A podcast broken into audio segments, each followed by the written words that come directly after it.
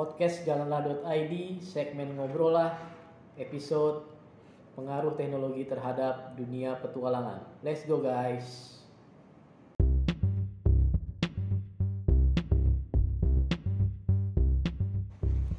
Halo Soiblah, uh, jumpa lagi di podcast jalanlah.id uh, bersama gue Razak. Kali ini ditemani oleh kru jalanlah.id yang lain. Halo Ica.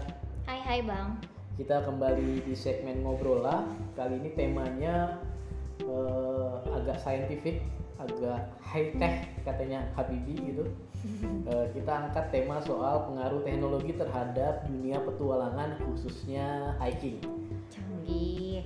Jadi backgroundnya uh, sekarang kan dunia udah sangat canggih nih ya. Semua aspek kehidupan manusia udah udah apa terdampak oleh teknologi gitu. Tak terkecuali kegiatan hobi manusia nih termasuk uh, adventure atau khususnya hiking. Nah, sekarang udah banyak aspek teknologi mempengaruhi kegiatan adventure gitu ya, khususnya dunia hiking gitu sebagai gambaran aja gue sebagai yang lebih senior dari Ica uh, membandingkan beberapa belas tahun lalu gue pertama hiking Tadi dulu, tumben kali ini ngaku. oh iya ya mau gimana lagi Ca Oh gitu. iya. walaupun ini audio nggak bisa ngeliat beban gue gitu tapi kan uh, konten-konten YouTube Jalan.id oh iya jangan lupa kita punya konten YouTube Jalan.id silakan di Ada di subscribe YouTube. like komen jangan di dislike ya Iya. Eh, di,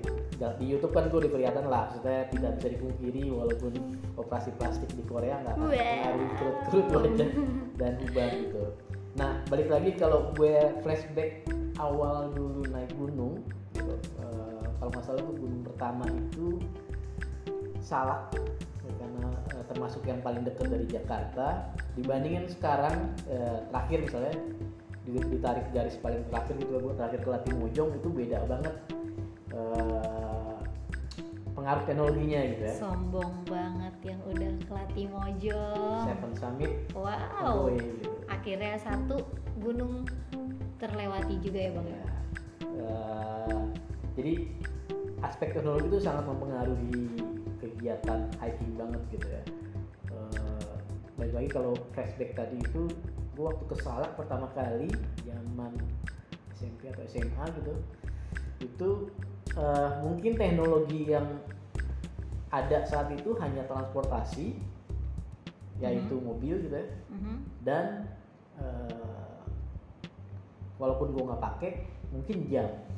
Temen gue pakai jam pasti. Oke. dan itu jamnya pun masih yang konvensional mungkin jarum atau kalaupun digital itu zaman zamannya apa ya Casio apalah gitu ya yang punya cuma timer dan countdown doang mungkin ya Hmm, Nah, sekarang ada, udah- belum ada jam-jam keren-keren Iya. ini ya. sekarang udah super canggih nih di, di, di generasinya Ica sampai ke sini milenial itu Belum ada Garmin ya? sudah, teknologi sudah eh, sangat eh, masif gitu nah eh, menurut lu gimana Cak soal teknologi Cak Eh, soal teknologi sekarang tuh pasti udah canggih banget bang. Hmm. Karena kan ya tadi ada jam yang keren banget.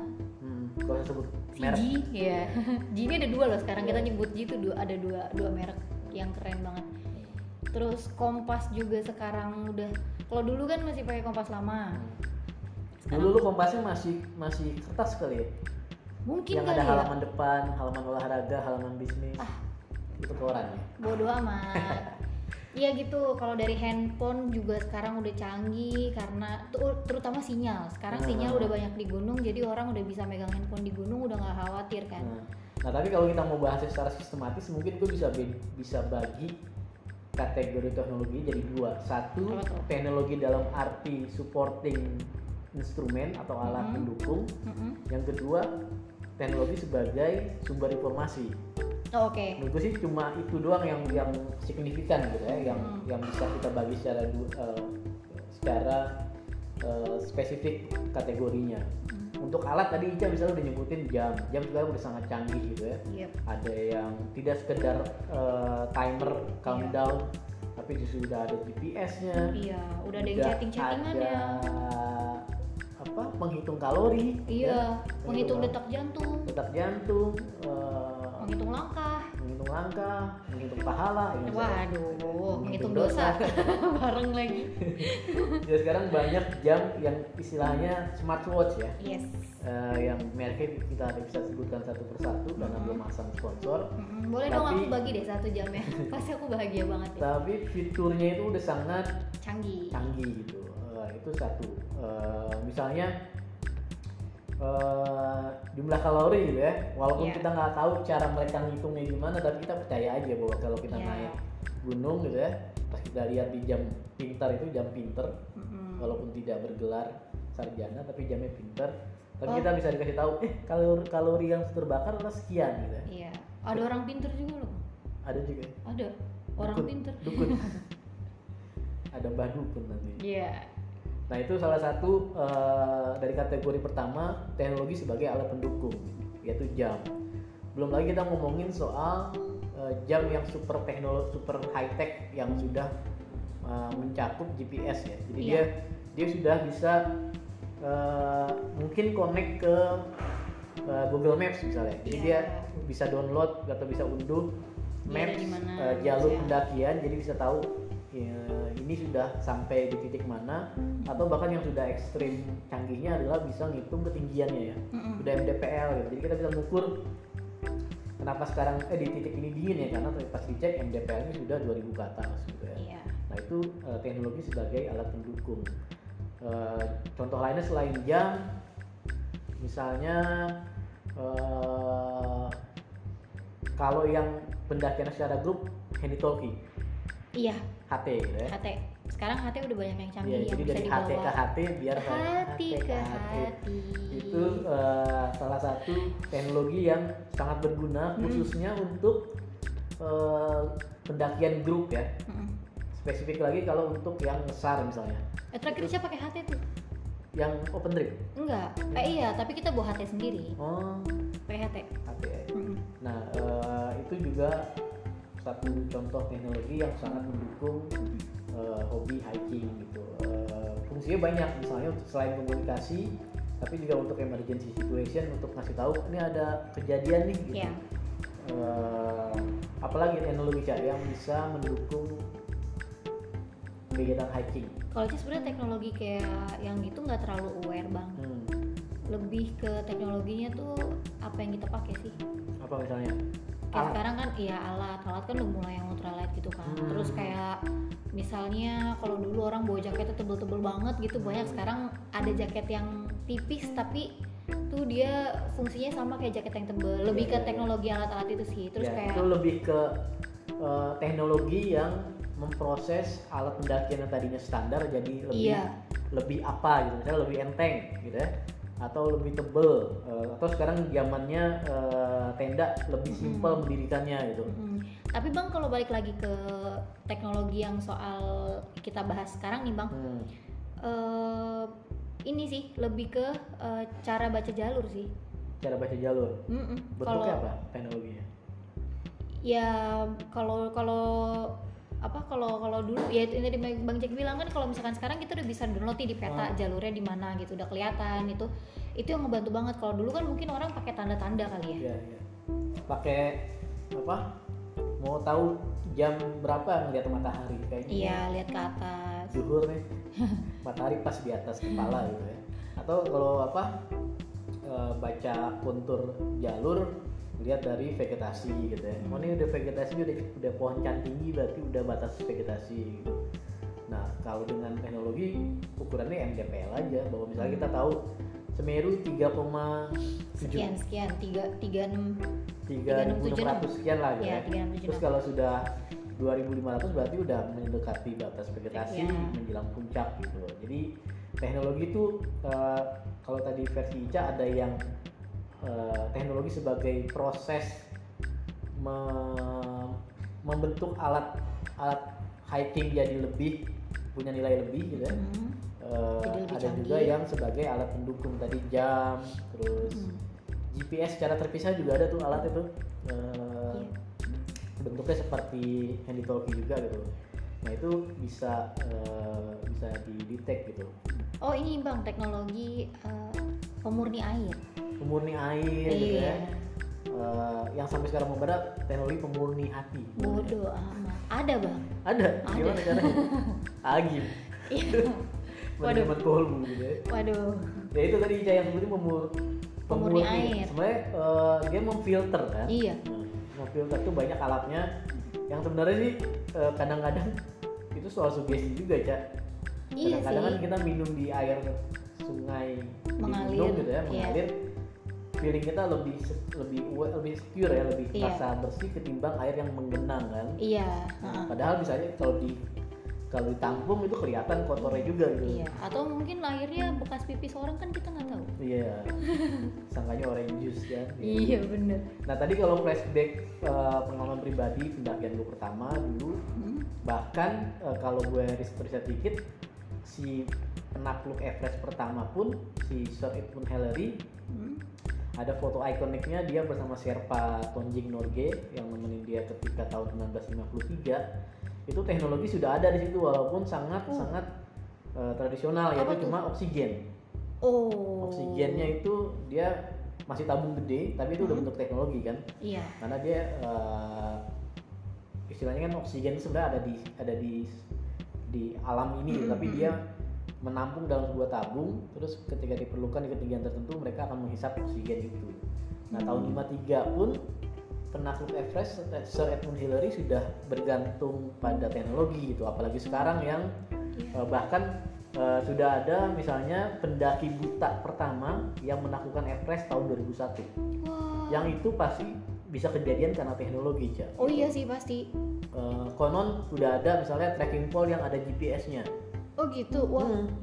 Ini aja mau beli tracking pole 100 ribu mikir-mikir ya apalagi tracking pole ada GPS-nya. gua aja tracking pole eh, hibah Kain, eh kain bukan apa? hibahan dari eh, temen-temen eh apa temen yang kita paksa ikut naik gunung Oh si- kirain. yang nangis-nangis itu Oh oke. dia kira- baru beli di Sarinah Iya, iya, Tamrin iya. gitu ya terus pertama, pendakian pertama langsung eh, tidak cocok Kirain batang pohon bang.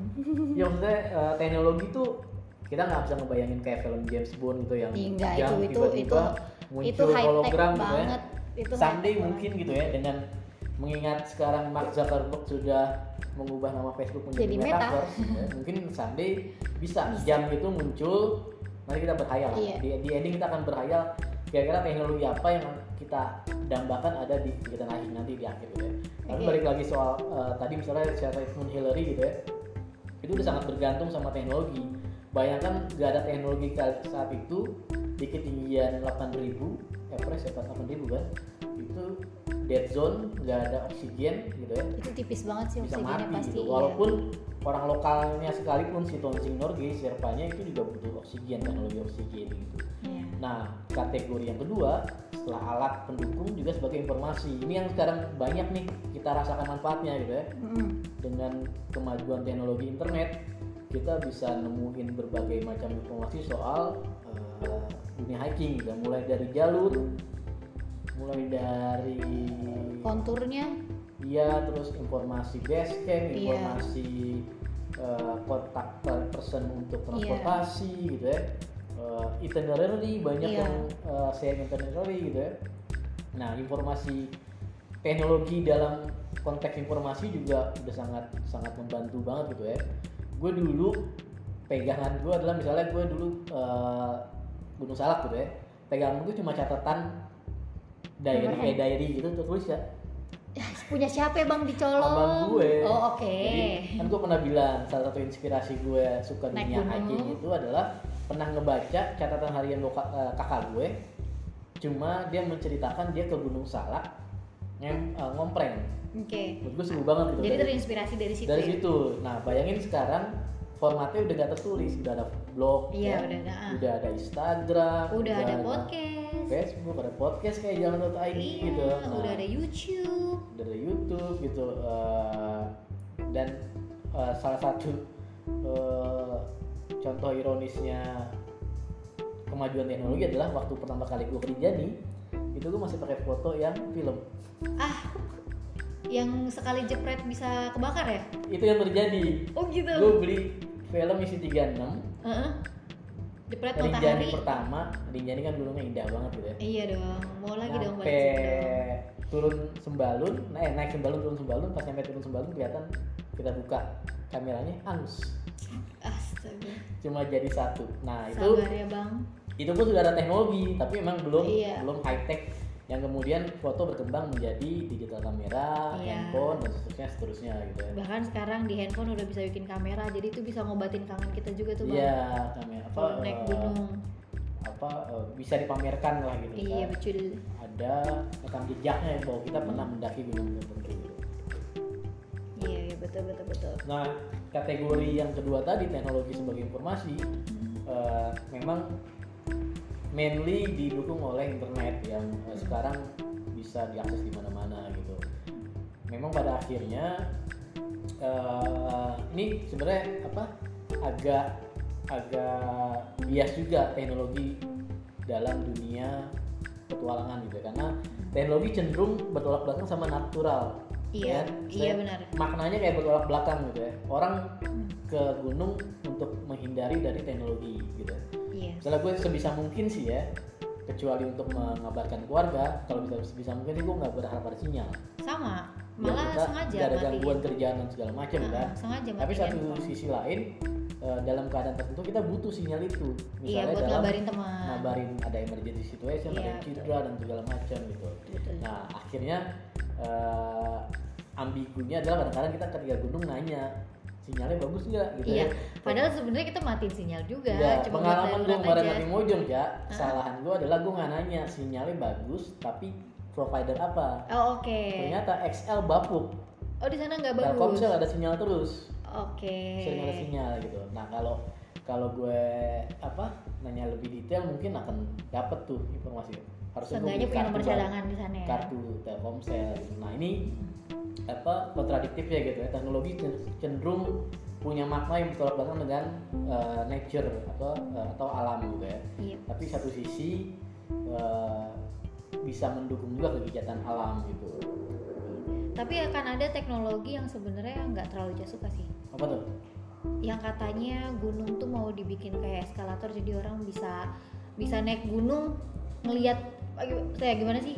Orang tuh bisa naik gunung dengan eskalator itu gitu. Eskalator atau seperti yang sekarang sudah ada di beberapa gunung di luar negeri sudah apa? Uh, Eh, yang kayak Kereta gantung. ski gitu kereta gantung. nah, kalau gitu Kayaknya gosipnya itu ya, gosipnya kereta gantung. Rinjani sempet ada wacana mau bikin itu karena Rinjani kan memang uh, magnet utamanya bule ya Iya sih. bule kalau ke Bali tuh biasanya satu paket sama Rinjani gitu Iya sih. karena Agung biasanya tergantung Agak susah adat naiknya. upacara adat gitu nah sempat ada wacana sudah ada investor yang mau masang uh, namanya dia uh, tram Mm-mm, kayak serem, kereta iya, serem. kereta tapi gantung gitu lah ya Iya. kayak kayak di luar negeri itu udah banyak gitu walaupun kita belum pernah ke luar negeri gitu ya Iya sih, ya nonton Di aja di film-film YouTube gitu kan ya. teknologi. Iya, benar. Iya dong. Nah, itu salah satu apa manfaat teknologi. Iya, jadi kita nggak tahu. perlu eh, ta- apa nggak perlu keluar negeri untuk tahu bahwa di sana Iya. udah banyak kereta gantung. Betul, meskipun Kalau Indonesia nggak suka? sana. Atau- sebenarnya mungkin gak sukanya karena sekarang posisinya aja masih seneng naik gunung ya. Ya, Beda lagi sama nanti kalau udah eh, Nenek-nenek. gitu misalnya sulit atau sulit naik gunung gitu mungkin seneng tapi kalau sekarang kayaknya kurang seneng karena kurang apa kenikmatannya itu loh bang hikmatnya tuh susah gitu untuk di gimana sih orang naik gunung nih capek-capek gitu ya udah jalan gitu tiba-tiba ada orang yang lewat naik kereta gantung hai gitu Iya, kan iya, ngeselin gitu memang kadang-kadang Gak fair eh, aja. Karakteristik kegiatan alamnya itu kita Nggak ada. merasa merasa terganggu ya. iya jadi Bahkan untuk di luar teknologi bahkan ya, Hmm. kita ketemu warung aja agak kesel sebenarnya. Iya nggak sih? kesel-kesel dengan- seneng sih sebenarnya tapi kesel Iya, tapi seneng gitu tapi Bandingin kesel. gunung gede ketika dulu kita awal awal oh iya jauh-jauh awal hari belum ada semuanya warung gitu. cuma ter- bisa dihitung jari lah gitu ya. Mm-mm. Sekarang nasi uduk udah bisa nyampe di Surya Kencana. iya bener Satu sisi kalau kita nggak bawa logistik eh, tapi punya duit kita senang. iya beli seneng nasi uduk gitu ya. Mm-mm. Tapi sisi lain kalau kita mau nyari kita mau seneng-seneng masak sendiri, ya ngapain tuh nasi uduk? gitu iya kan? bener kayaknya masakan kita sayang aja Iya. gitu tinggal beli kan Dan bisa jadi gak ada bedanya sama non gunung, Iya, udah betul. kayak di darat aja gitu, udah kayak di pasar gitu. dilema bang yang ini dilema nih. Dilemanya emang gitu sih ya teknologi eh, sering dibenturkan sama eh, nature-nya nature gitu.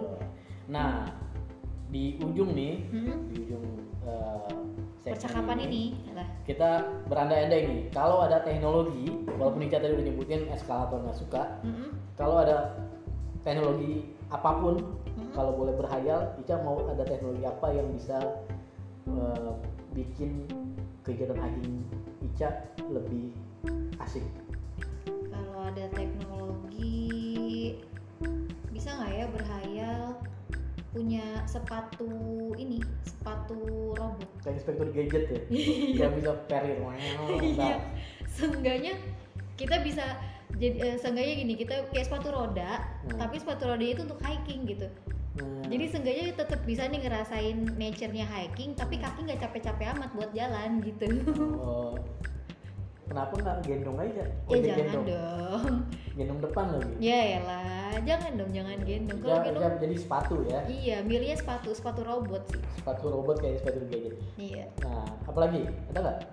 Hmm, kayaknya itu aja sih. Karena kalau masalah bawaan relatif. Bawaan kan lagi juga kan sekarang eh, ultralight gitu bawaannya udah mulai-mulai enteng-enteng kan. terus kalau masak ya soal masak juga relatif. Kalau sama tim kan nanti bisa bagi-bagi sama tim. Atau eh, nyewa guide atau nyewa eh, porter gitu kan. Minta minta tolong jasa mereka gitu. Tapi yang paling krusial sih itu sih bang. Eh, soal jalan kakinya itu. Nah kalau gue sih eh, kalau menghayal eh, beyond gitu ya nggak ada batasannya, gue mau eh, peralatan gunung yang ada pemanasnya. oh Tapi nggak dalam arti api unggun ya, tapi bisa Iya. disetting eh, anget iya dingin gitu. Jadi oke gue emang eh, lebih mikirin faktor safety-nya misalnya someday gue ke Everest dan ada teknologi itu gue berharap ada tenda yang bisa. Banget. Iya benar. Jadi eh, kemungkinan hipo atau apa Jadi lebih kecil ya. atau apa tuh sakit yang selain hipo Eh, high mountain sickness gitu ya nah, itu nggak terjadi gitu jadi itu lebih ke safety-nya nah sekarang kalau ada teknologi kayak Doraemon nih mau nggak enggak. ke pintu sama ke mana aja atau baling-baling Eh, bambu Ya itu dia ya. Mungkin kalau di umuran sekarang jawabnya enggak. Tapi Iya. kalau mungkin kalau 10 atau 20 tahun lagi sih pasti seneng bang. Sampai ke gunung tinggal buka pintu kan bahagia gitu. jadi sekarang subjektif karena fisiknya merasa masih mampu ya Iya betul masih Someday subjektif kalau banget udah sih. 70, 80 Iya benar. Doraemon mana ya Iya aku mencari Doraemon. Hai. Oke, eh Soiflah kalau kalian khayalannya apa nih? Teknologi apa yang mere- kalian harapkan ada di eh, hobi-hobi kalian khususnya yang adventure gitu. Nah, eh, silakan komen bisa di Spotify komen ya. Kalau mau komen teknologi yang kalian harapkan kalau berhayal itu seperti apa gitu. Bisa video callan kali sama pacar di atas gunung. Ya. kalau lagi berantem malah menghindar. Oh iya bener juga. Tapi kan Atau kalau orang-orang yang suka selingkuh bisa Ketahuan eh, ya? WhatsApp call group. Oh, WhatsApp call Dilabrak. sekalian dong. Ah. Oke, baiklah eh, itu aja pembahasan soal teknologi, pengaruh teknologi terhadap dunia petualangan khususnya hiking. Kita akan bahas aspek teknologi yang lainnya karena eh, salah satu mimpinya Jalan.id adalah bisa menciptakan sebuah platform yang memudahkan Soiflah untuk eh, bertualang gitu ya. Karena Yes. sesuai tagline kita mau jalan Jalan jalanlah lah. gitu. Jalan nggak pakai ribet. Oke, Swipelah sampai ketemu di episode-episode berikutnya. Eh, jangan lupa mampir ke medsos kita, IG, YouTube, eh, dan lain-lain. Share sebanyak-banyaknya. Sampai ketemu di episode berikutnya. Bye bye. Dadah.